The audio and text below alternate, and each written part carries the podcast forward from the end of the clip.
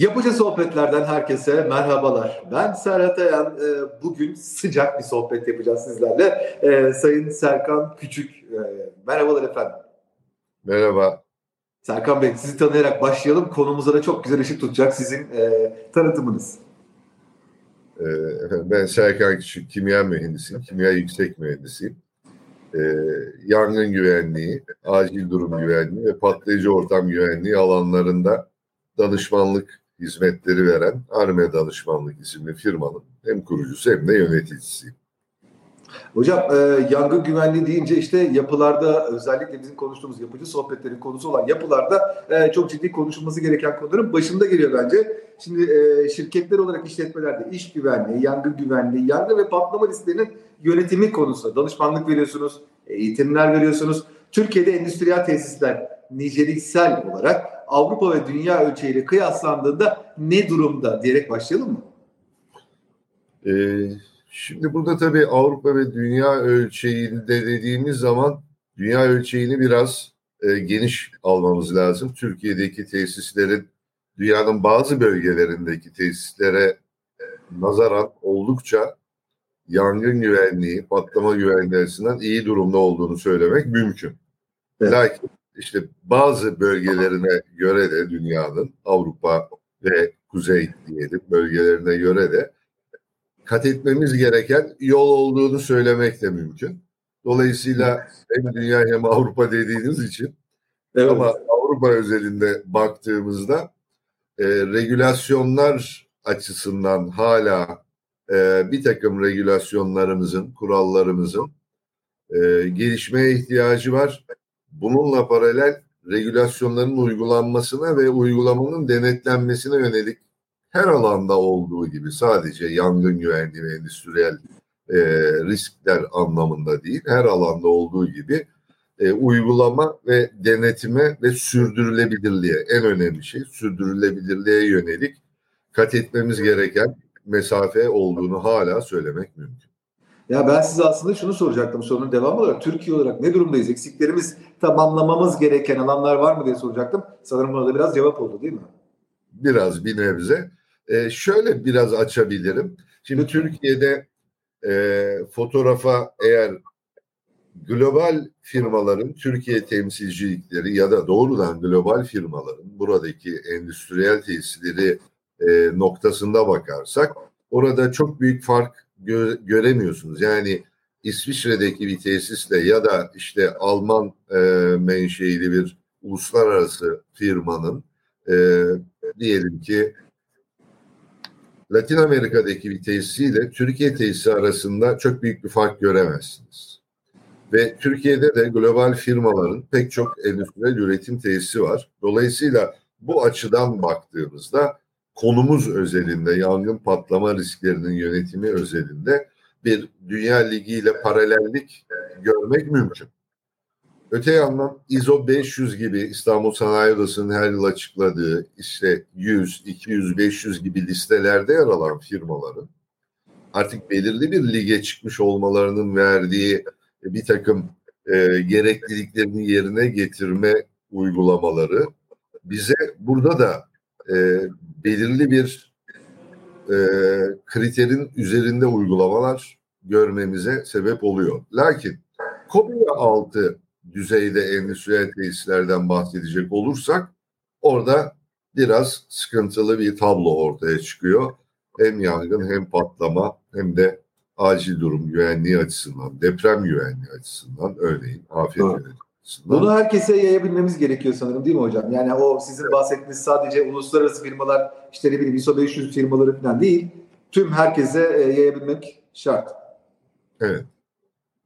Ee, ve bunun da sürdürülebilir olması en önemli şey. Bazı firmalar bir dönem bir takım yöneticilerin ya da bir takım duyarlılıkların e, verdiği itkiyle işlerini özellikle yangın güvenliği açısından e, bir noktaya getiriyorlar ama 3 yıl sonra bakıyorsunuz geriye düşmüş durumdalar. Sorunuzun kısaca yanıtı böyle. Anlıyorum. Peki hocam e, biz diğer soruya geçelim isterseniz. Şimdi yangın ve patlama riskinin en yüksek olduğu endüstriler böyle bir sıralama vardır muhtemelen. E, yani bu bunları sizden alabilsek ve bunlara özel böyle bir risk tanımları, e, özel önlemlerden falan bahsetmek mümkün olabilir mi? Evet.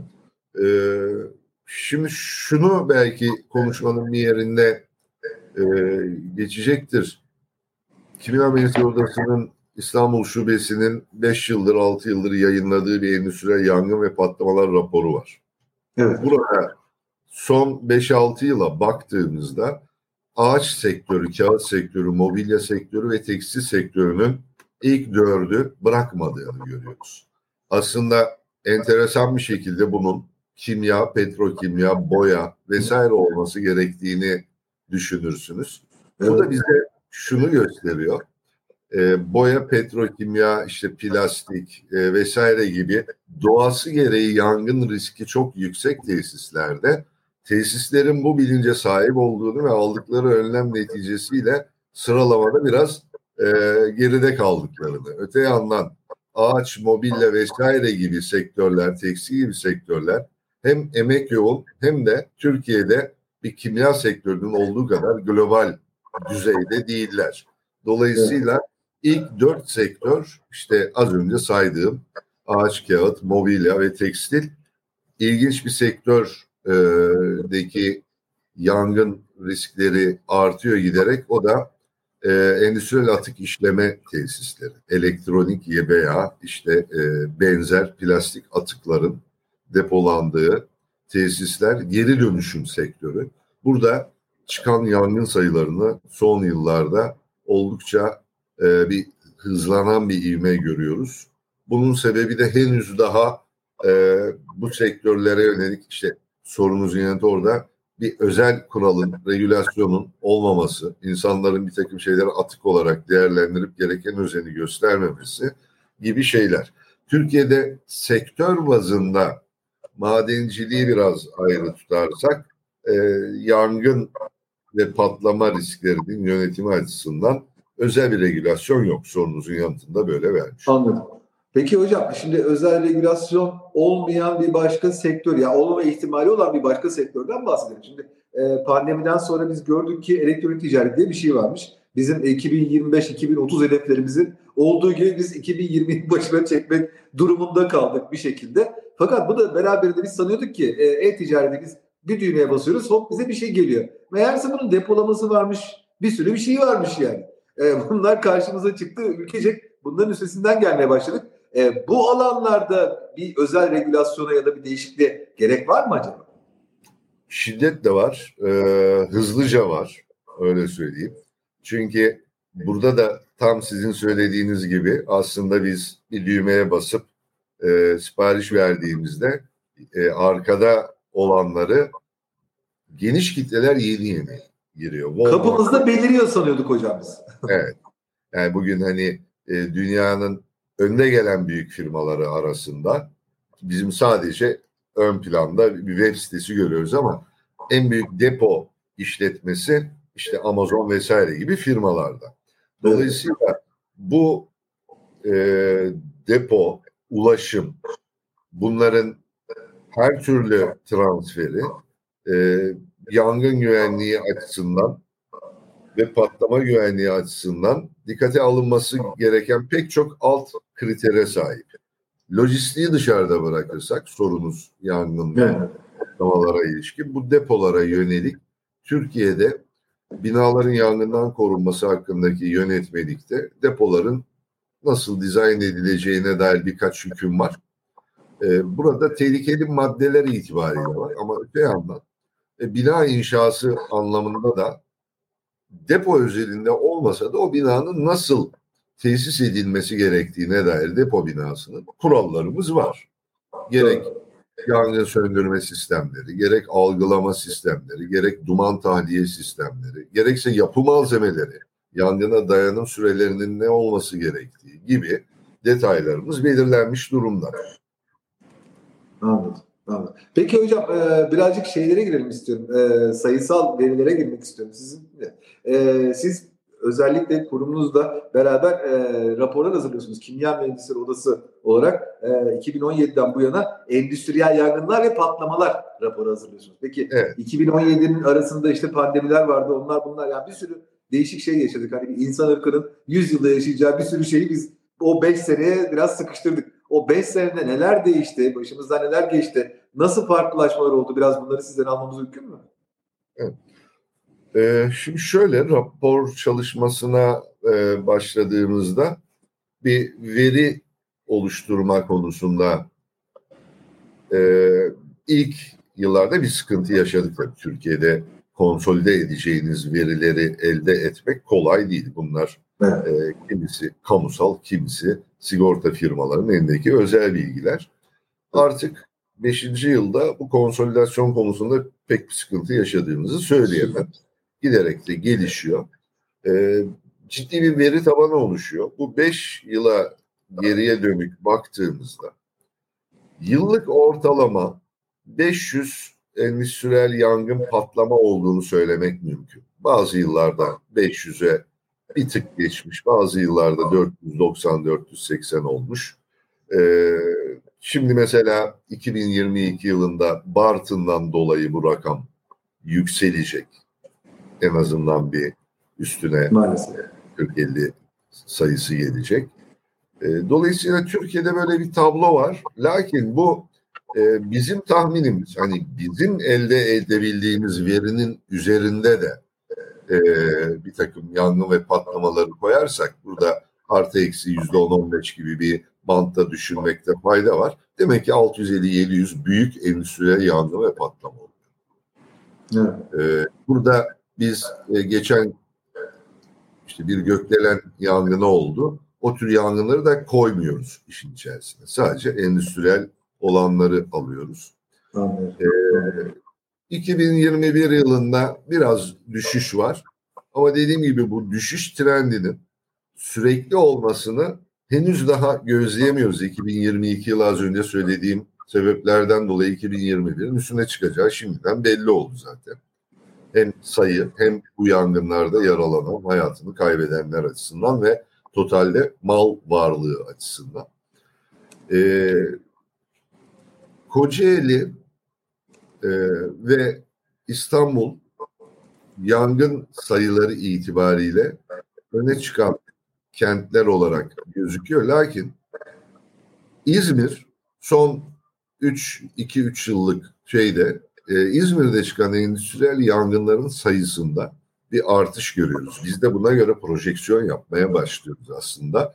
Bunun sebebi de İzmir endüstrisindeki hareketlenme. İstanbul-İzmir Karayolu'nun Çanakkale, İstanbul-İzmir bağlantılarının ve İzmir Havalimanı'nın lojistikte ve limanın aynı şekilde e, İzmir sanayini biraz hareketlendirmesi, yatırımların oraya kayması, Kocaeli ve Bursa, İstanbul'da e, doyan e, sanayi tesisi anlamında e, coğrafyanın İzmir'de karşılık bulması ve çıkan yangın sayıları.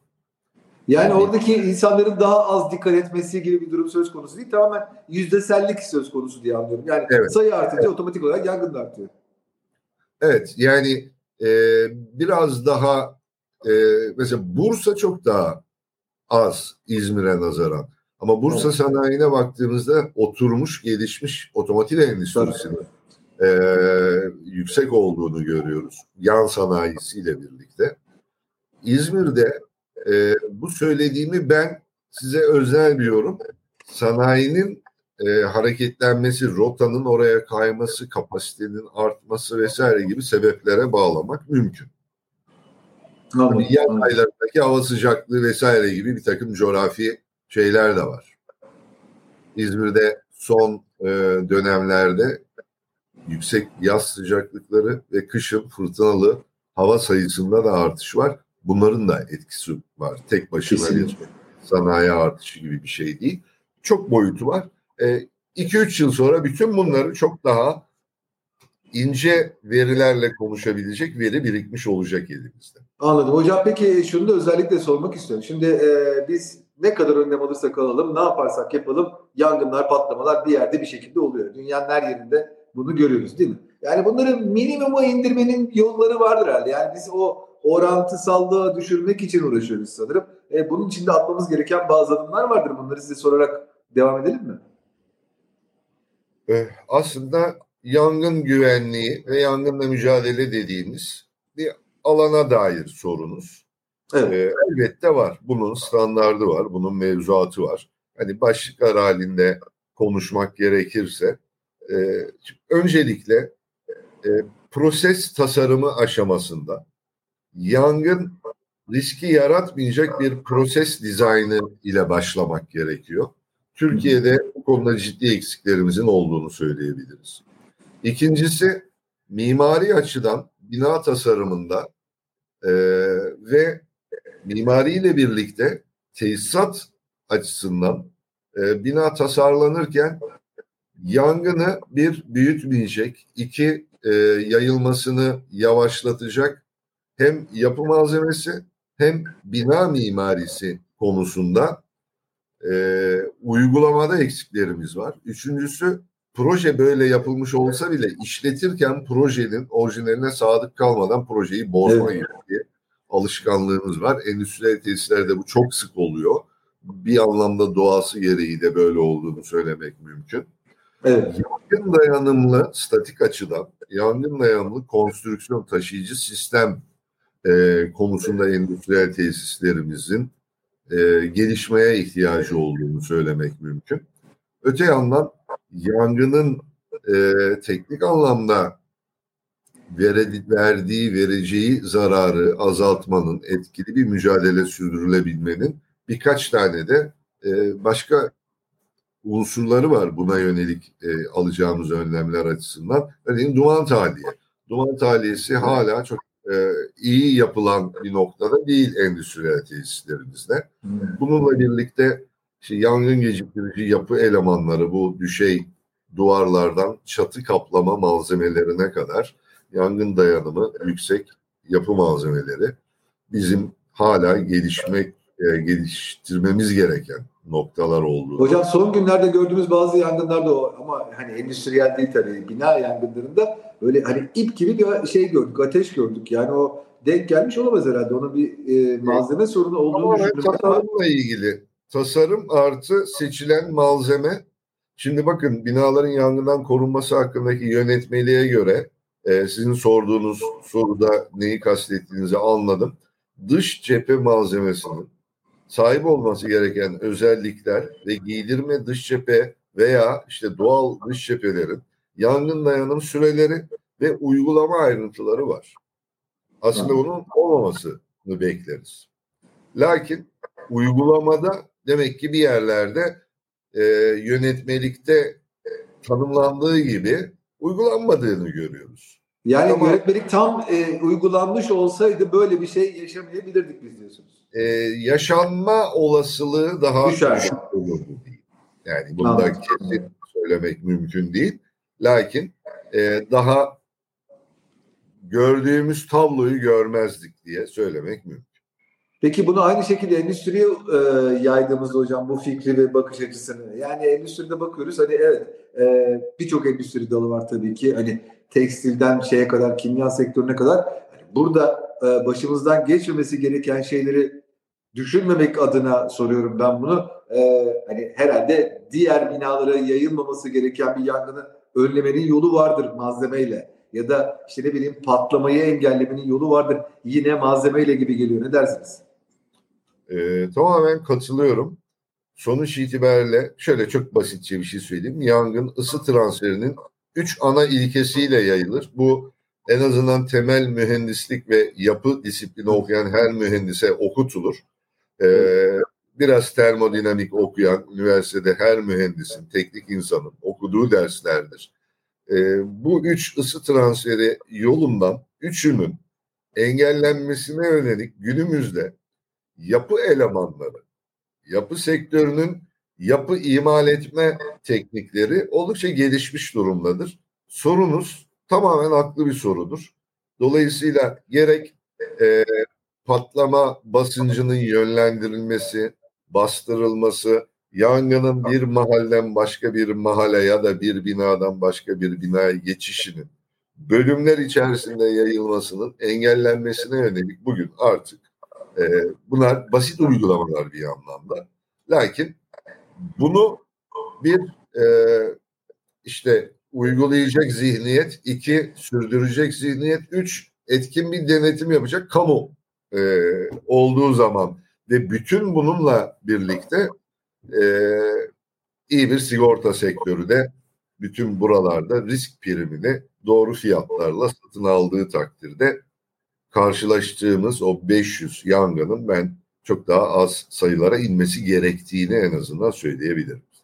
Hocam bir de tabii e, bunu mühendislik olarak konuştuğumuzda 63 bin e, farklı faktörü var demiyorsunuz. 3 diyorsunuz. Yani hani o 3 faktöre dikkat edersek onları ortadan kaldırmak için 3 adım atarsak, 3 doğru adım atarsak herhalde bu işi halletmiş oluruz değil mi?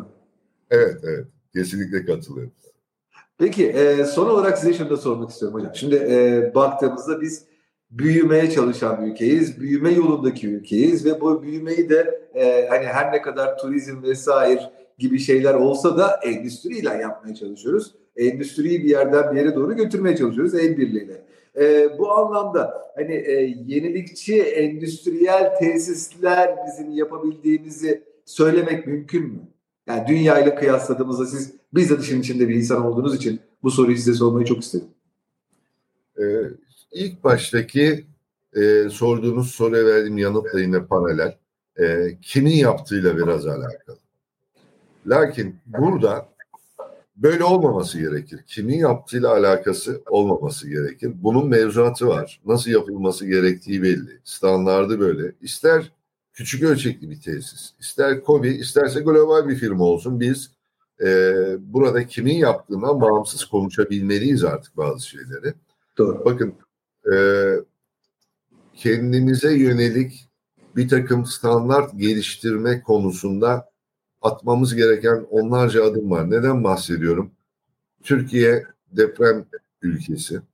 Endüstriyel tesislerimizin e, çok büyük çoğunluğu kıyı sahil şeritlerinde. İşte Kocaeli Körfezi'ni alın, İzmir'i alın, İskenderun'u alın. Şimdi burada fay hatlarının e, yarattığı kuvvet endüstriyel tesislerde depolanan kimyasalların ve e, işte yakıtların, akaryakıtların, tanklarının borularını kırabilecek büyüklükte bir kuvvet. Sadece buraya yönelik bir önlem geliştirmiş olsak dünyaya da model olacağız. Deprem bölgelerinde kimyasallar nasıl tanklarda depolanır? Bunun da teknik anlamda e, basit önlemleri var.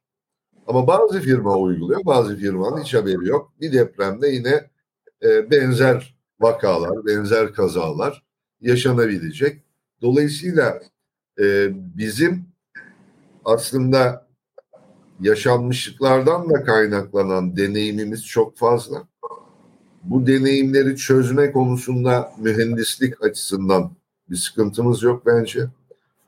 Çözüm için gerekli malzemenin üretimi veya Türkiye'ye getirilmesi konusunda da bir sıkıntımız yok. Sorumuzu öyle toparlarsam kendimize has modern yenilikçi bir endüstriyel tesis yapılabilmesi sadece akılcıl stratejilerden geçiyor. Umarım bir gün Türkiye'de sıra bu konulara da gelecektir.